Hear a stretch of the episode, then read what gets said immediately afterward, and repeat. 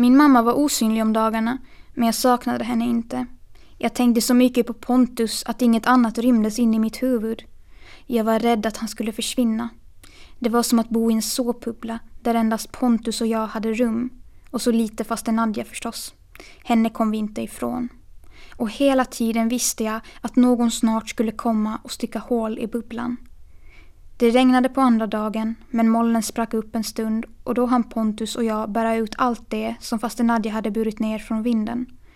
Vi blev våta ändå, för lönnen vid soptunnan passade på att skaka vattnet av sig rakt över oss. Vi bytte kläder och Pontus bryggde te. Jag bredde smörgåsar och fasten Nadja gav sig faktiskt tid att komma ner och dricka, men hon åt inte. Hon satt som en igelkott och liknade inte sig själv. Hon hade spindelnät i håret och på kläderna och inne i huvudet hade hon städmönster som en karta. Hon sa att hon inte kunde prata eller tänka. Hon måste fortsätta städa innan mönstret försvann. Har du inte hittat inspirationen? frågade jag, men hon skakade på huvudet. Halva huset städat och ingen inspiration i sikte, sa jag. Kan det bli värre? Det kan bli värre, sa faster Nadja och rusade upp för vindstrappan. Jag började undra om man hade låtit städmönstret komma i vägen för inspirationen och därför måste städa till inspirationen kom fram igen. Om det var så vet jag inte, men det visade sig snart att inspirationen inte fanns på vinden heller. Fast Nadja måste ta itu med källaren, den som var allra värst. Ja, förrådet hade vi inte sett, men förrådet var åtminstone mindre än källaren. Det låg panik i luften. Det var som om faster Nadjas sökande och städande hade börjat styra Pontus och mig också. Vad ska vi göra, sa jag, för nu är jag riktigt bekymrad. Så här länge har det aldrig förr räckt att hitta inspirationen. Det ska bli finare tavlor än förr, sa Pontus, som om han plötsligt hade börjat förstå sin faster. Fasten Nadja ska erövra New York och New York är ingen vanlig stad. Du skulle se Manhattan. Jag höll på att tappa tekoppen i golvet. Så förvånad blev jag. För vad visste Pontus om New York och Manhattan? Han lät nästan som om han hade varit där. Jag hade ju redan tänkt ut att hans mamma var fattig. Punkt slut. Hon städade kontor och hade dålig lön. Men jag höll med om att New York måste vara en fin stad. Morfar hade varit där. Och jag frågade om Pontus hade märkt att faste Nadja hade magrat. På några dagar hade hon blivit nästan smal. Pontus höll med. Han tyckte också att hon var bättre som lite rund. På eftermiddagen rensade vi ogräs runt pionerna vid lusthuset. Vi borde ha klippt gräsmattan också, men den var våt. När ska du börja minnas den där gatan? frågade jag. Vilken gata? sa Pontus. Gatan där Jättekefin och de andra ska råna, sa jag. Pontus hajade till. Jag har alldeles glömt bort att tänka på gatan, sa han. Tycker du fortfarande att vi ska gå och speja på tisdagskvällen? Det tycker jag, sa jag. Okej, sa Pontus, men han sa det lite lamt. Jag hade börjat tänka att Pontus och jag skulle sätta fast rånarna och komma i tidningen. Och jag tänkte precis berätta det för Pontus när mamma som hade ledigt stegade fram till staketet. Ja, mamma stegar faktiskt fram när hon går. Inuti är hon pappas prinsessa, men utanpå liknar hon mest en bonde, åtminstone när hon är hemma. Just då kom mamma på att hon var förtjust i Pontus. Hon mumlade söndagsöppet och tog bilen och en halvtimme senare kom hon hem med bagageutrymmet fullt av påsar och kassar. Pontus och jag, som hade fått nog av vått nattgräs och stickiga tistlar, hjälpte henne att bära in kassarna i köket och hon bjöd Pontus på middag klockan sex. Han tackade genast ja och en stund tänkte hon bjuda faste Nadja också. Men både Pontus och jag sa att det inte gick för sig just nu, som mamma lät bli. Hon lagade maten medan jag dukade på glasverandan. Och fast himlen hängde lågt som ett svart segel blev det festligt inomhus när jag tände några ljus. Pontus hade bytt kläder och såg inte alls bortkommen ut. Han verkade jämt gå på fest. Mamma var lite småfånig och ett tag blev jag rädd att hon skulle kalla mig mammas lilla pussrotta. För hon berömde dukningen och sa att jag var väldigt bra i sång. Puh vad jag skämdes. Sen blev hon nästan normal igen och vi åt en förrätt med leverpastej och gurka. Jag hann bli lite rädd att Pontus inte skulle gilla lever men han sa att det var gott. Mamma drack rödvin och jag kom att tänka på att Pontus mamma kanske hade druckit för mycket vin också. Var det inte rent av vinet som hade fått henne att gå in i väggen? Jag satt och tänkte på allt möjligt men försökte se lugn ut fast jag hela tiden misstänkte att mamma skulle göra bort sig. För tänk om hon kom på att fråga om Pontus mamma och pappa.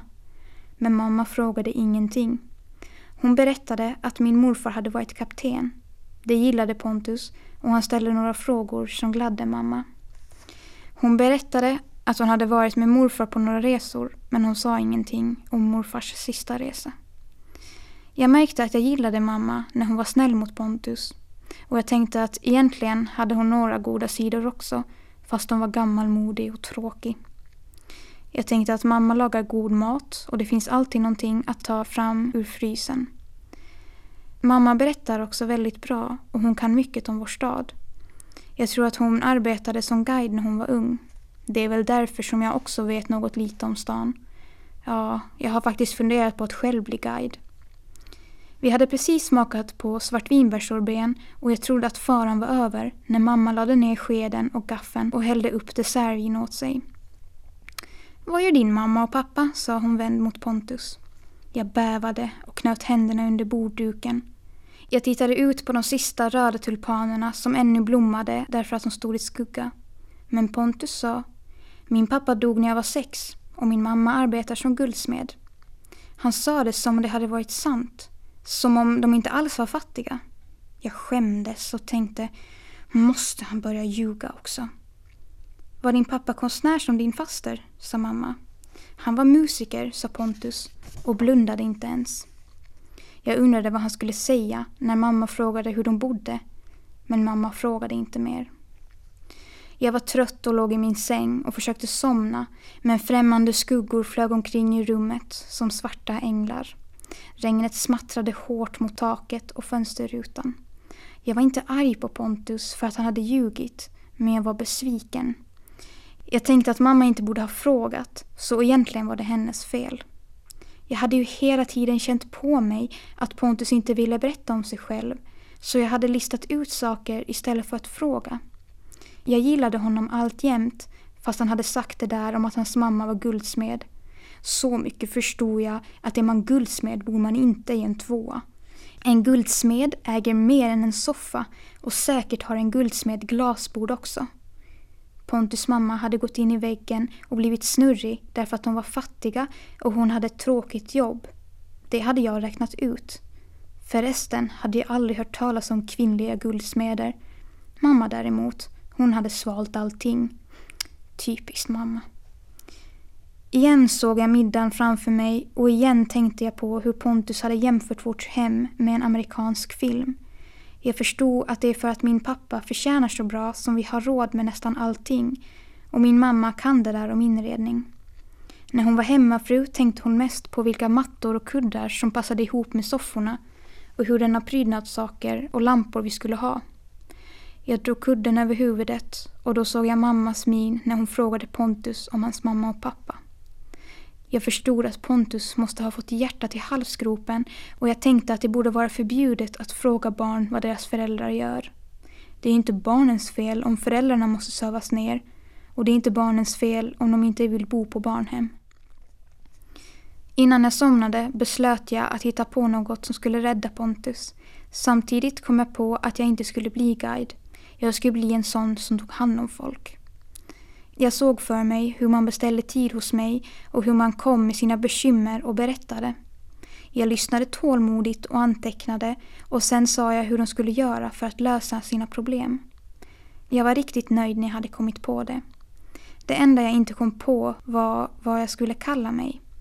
Bekymmersfixare kanske. Nej, livsfixare är ett bättre, så jag smakade på ordet en stund. Livsfixare. Livsfixare. Men så började jag undra om någon av misstag kunde tro att jag rent av fixade liv och uppväckte döda. Nej, livsfixare var inte bra. Men snart kom jag på att jag inte behövde bestämma den saken riktigt ännu. Jag skulle säkert hitta ett bättre ord om jag sov en stund.